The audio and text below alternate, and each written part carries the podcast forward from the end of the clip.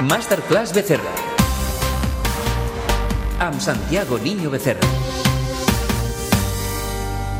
No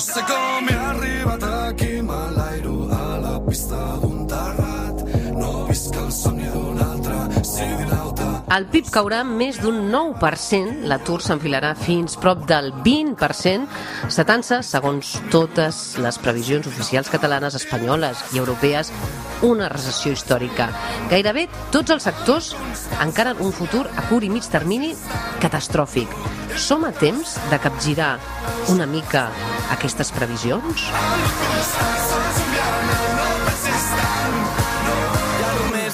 Demano salut per als meus al·lots. Una nit més, portem a Santiago Niño Becerra. Bona nit, com estàs? Què tal? Bona nit, bona nit. Bé, bé, aquí, eh, fent coses. Molt bé, treballant. La Sí. crisi del coronavirus passarà la història com el crac del 29 i altres grans crisis? Podem dir que hem assolit ja aquest trist nivell, Santiago? Bueno, a veure, la, la, la, el crac del 29 va ser una crisi sistèmica. Nosaltres, mm, la, a l'inici d'aquesta crisi, recorda, va començar el 2007, eh, nosaltres estem en la tercera fase i aquesta, aquesta arribada del virus mm, ha sigut un punt aberrante dins d'aquesta tercera fase. Eh, el que passa és que aquí s'estan juntant dues coses. Una és mm, a- a l'impacte de la tercera fase de la crisi, que comença a la tardor del 2018 i amb això s'afegeix a l'impacte negatiu del virus. És a dir, que és, diguem-ne, una, una, una tercera fase de la crisi realment molt forta, molt, molt important. Ah, molt forta. El país va entrant lentament a la fase 1, val? algunes poblacions. Realment servirà per començar a reactivar l'economia? Com ho veus? Perquè hem vist ja comerços oberts, amb restriccions, amb seguretat. Com veus aquesta reactivació de mica en mica de l'economia? Mira, jo, sota el meu punt de vista, jo evidentment no sóc ni expert en temes sanitaris, ni, ni sóc sociòleg, ni sóc psicòleg. Jo crec que es poden fer moltíssimes coses, mm, eh, una, un desconfinament progressiu, eh, les, eh, el que vulguis, però és un tema de confiança de les persones. És a dir, jo crec que el concepte bàsic, mm, ara per ara, és el concepte de confiança. És a dir, una persona, una família, un col·lectiu ha de tenir confiança. Eh, Per una banda, i jo crec que hi ha missatges eh, contraposats que no estan donant confiança. Per una banda, mm, el cap dels experts eh, a nivell d'Espanya que està portant el tema de, de la pandèmia mm, eh, i que eh, té una opinió compartida per molts metges, diu que mm, el més important és mantenir la distància de seguretat de dos metres. Per altra banda, ahir la Comissió Europea diu que els avions poden anar plens. Això no dona confiança. És a dir, aquest missatge no dona confiança, perquè automàticament la, la, la ciutadania, les persones diran, però a veure, qui té raó? Eh, el cap del comitè d'experts o té raó la Comissió Europea? Jo, jo penso que això, mm, això no és bo, això no és, no és, no és correcte. Clar, hi ha mesures estranyes, no? Per una banda, aquesta distància de seguretat, en canvi, els avions, que ja hem vist imatges, no? Eh, la gent amb mascareta, però està molt junta. Per tant, Sí. mm, mesures que no, no, no, no tenen gaire sentit, no? Com deies. Uh, ara que parlaves d'Europa, què en penses de la decisió del Tribunal Constitucional alemany de contradir el Banc Central Europeu en relació a les compres de deute? Ens preguntem, està en risc, com s'ha dit, la Unió Europea o com, a, o com a mínim la recuperació de la crisi? A veure, és que, és que jo crec que mm, partim d'un supòsit que no és cert. És a dir, partim del supòsit que existeix una sola Europa, i no és veritat. És a dir, a, aquesta és una idea que mm, ens, ens ha convenut mm, creure, eh, però no, no és veritat. A Europa hi ha diverses Europes. I, i, llavors, mentre les coses anaven bé, mm, o força bé, doncs vale tira però ara estem en un moment de problemes. Llavors, el, el Tribunal Constitucional alemany el que ha dit és, mm, perdonin un moment, eh, vostès, Banc Central Europeu, estan manegant els diners de, mm, membres de l'euro i Alemanya és un membre de l'euro. Si us plau, Banc Central Europeu, demostri'm que el que vostès han fet és correcte perquè mm, els alemans eh, vegin que és correcte. Jo, això que ha fet el Tribunal Constitucional alemany, jo crec que és totalment lògic, totalment lògic. Que està en perill la, la Unió Europea? Bueno, a, a veure, jo crec que no. Mm, eh, el que passa és que, clar, aquest és un acte de voluntat. Eh, si mm, una sèrie de països o algun país diu jo no estic d'acord, me'n vaig, doncs, bueno, hem vist el que ha passat amb el Regne Unit. Uh -huh. eh, hem estat tots, tots d'acord en muntar, en fer aquest muntatge, eh, que comença amb el Tractat de Maastricht l'any 92, però, però, però, bueno, però mm, hem tingut, torno a dir, una, una sèrie d'anys que, bueno, que han estat bé i que ens ha convingut a tots, però ara, ara comencen problemes, ara estem en un moment de problemes important. Jo mm, li dono la raó de demanar al Tribunal, al Tribunal Constitucional alemany de demanar al, al Banc Central Europeu aclaracions sobre aquest tema. Mm -hmm.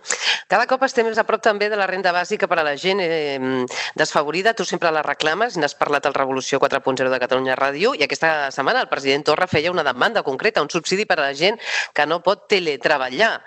Um, I encara estem pendents d'aquest tema, Santiago. Sí, a veure, jo, jo crec que el virus, mm, que ha tingut molts efectes i està tenint molts efectes negatius, està tenint un, un efecte accelerador amb una sèrie de coses i jo crec que el virus està apropant la posada en marxa de la renda bàsica. Això que s'està discutint ara, aquesta renda mínima, això no és una renda bàsica. Això és una renda mínima condicionada a una sèrie de característiques de la família o de la persona.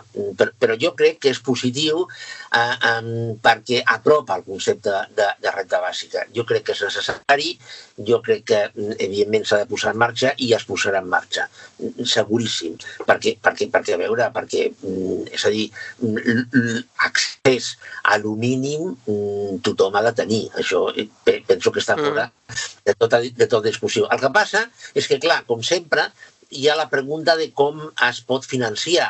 Bueno, mm, a veure, aquí s'està parlant de moltíssimes coses, però torno a dir, i també això ho hem comentat, eh, Espanya té un frau fiscal que és brutal eh, i ningú està parlant del frau fiscal. Ara està damunt de la taula eh, una, una proposta per recaptar 11.000 milions d'euros de, de los ricos. Mm, no, no entro a valorar aquesta, aquesta estratègia, mm, eh, però per altra banda ningú està parlant del frau fiscal. Un frau fiscal sí, eh, a, sí, sí. a Espanya és molt elevat. Clar, clar. Uh, evidentment, eh, s'hauria de parlar del, del frau fiscal i, i aquí n'hem parlat en aquest programa. Hi ha un tema, són molts temes que vull parlar amb tu, Santiago, que és tests massius perquè la gent no infectada pugui mm, treballar. El Premi Nobel d'Economia, Paul Romer, s'apunta a la idea que la clau és fer test a tothom per aïllar només els afectats i així els no infectats poden tele treballar, treballar, anar a treballar. Uh, T'agrada aquesta idea del Premi Nobel? Aquesta idea seria una bona solució? Jo penso que és la solució fins que no arribi la, la vacuna. La, la idea d'aquest Premi Nobel que ha, ha, ha fet un, un model juntament amb Nacions Unides mm, parteix de la base de fer un test a cada persona cada dues setmanes als Estats Units. Eh, això tindria un cost bueno, una mica elevat de 100.000 milions de dòlars que, evidentment, els Estats Units pot pagar. Llavors, la idea és, un, si la persona surt positiva, confinar a aquella persona. Això va en línia en el que comentàvem abans de la confiança. Això donaria la mm, enorme confiança de eh, que mm, es tindria la seguretat de que les persones que t'envolten, mm, si més no, una immensa majoria, eh, cada vegada més, majoria, evidentment, eh, estarien sanes. Eh, i, I torno a dir que la confiança és, és fonamental. El que és curiós és que aquesta idea mm, no s'hagi plantejat. El, perquè a Corea van anar una mica per aquesta banda, mm, però no, no van arribar a aquest nivell. Eh, a Corea és veritat que van fer test, massiu, test massius a la població, eh, però no, no amb aquesta dinàmica de cada X temps a tota la població.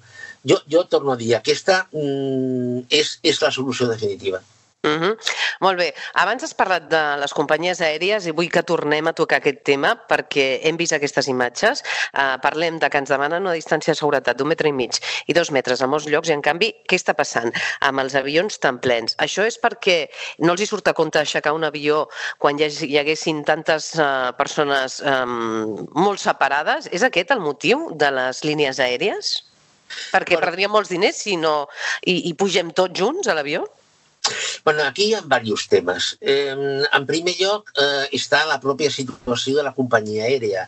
Hem de tenir en compte, per exemple, que als Estats Units les companyies aèries estan manegant 750.000 eh, llocs de treball.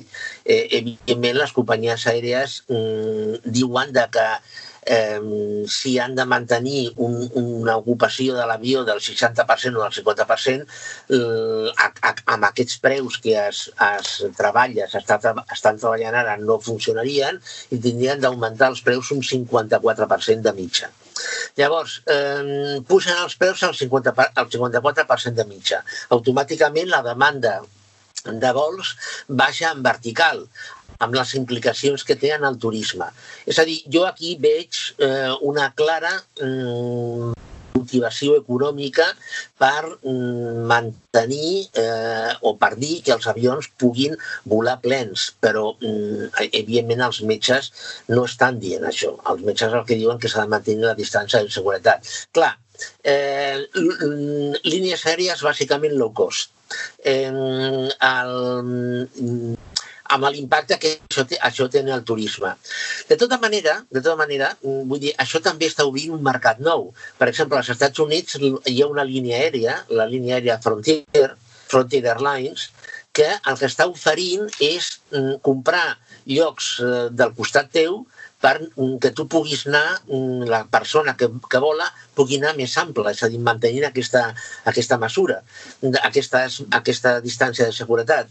Clar, un, un, a- això a què ens porta? Això ens porta a que hi haurà dos tipus, o poden haver dos tipus d'avió, eh, dos tipus de vol, el vol dels rics i els vol, el vol dels no rics.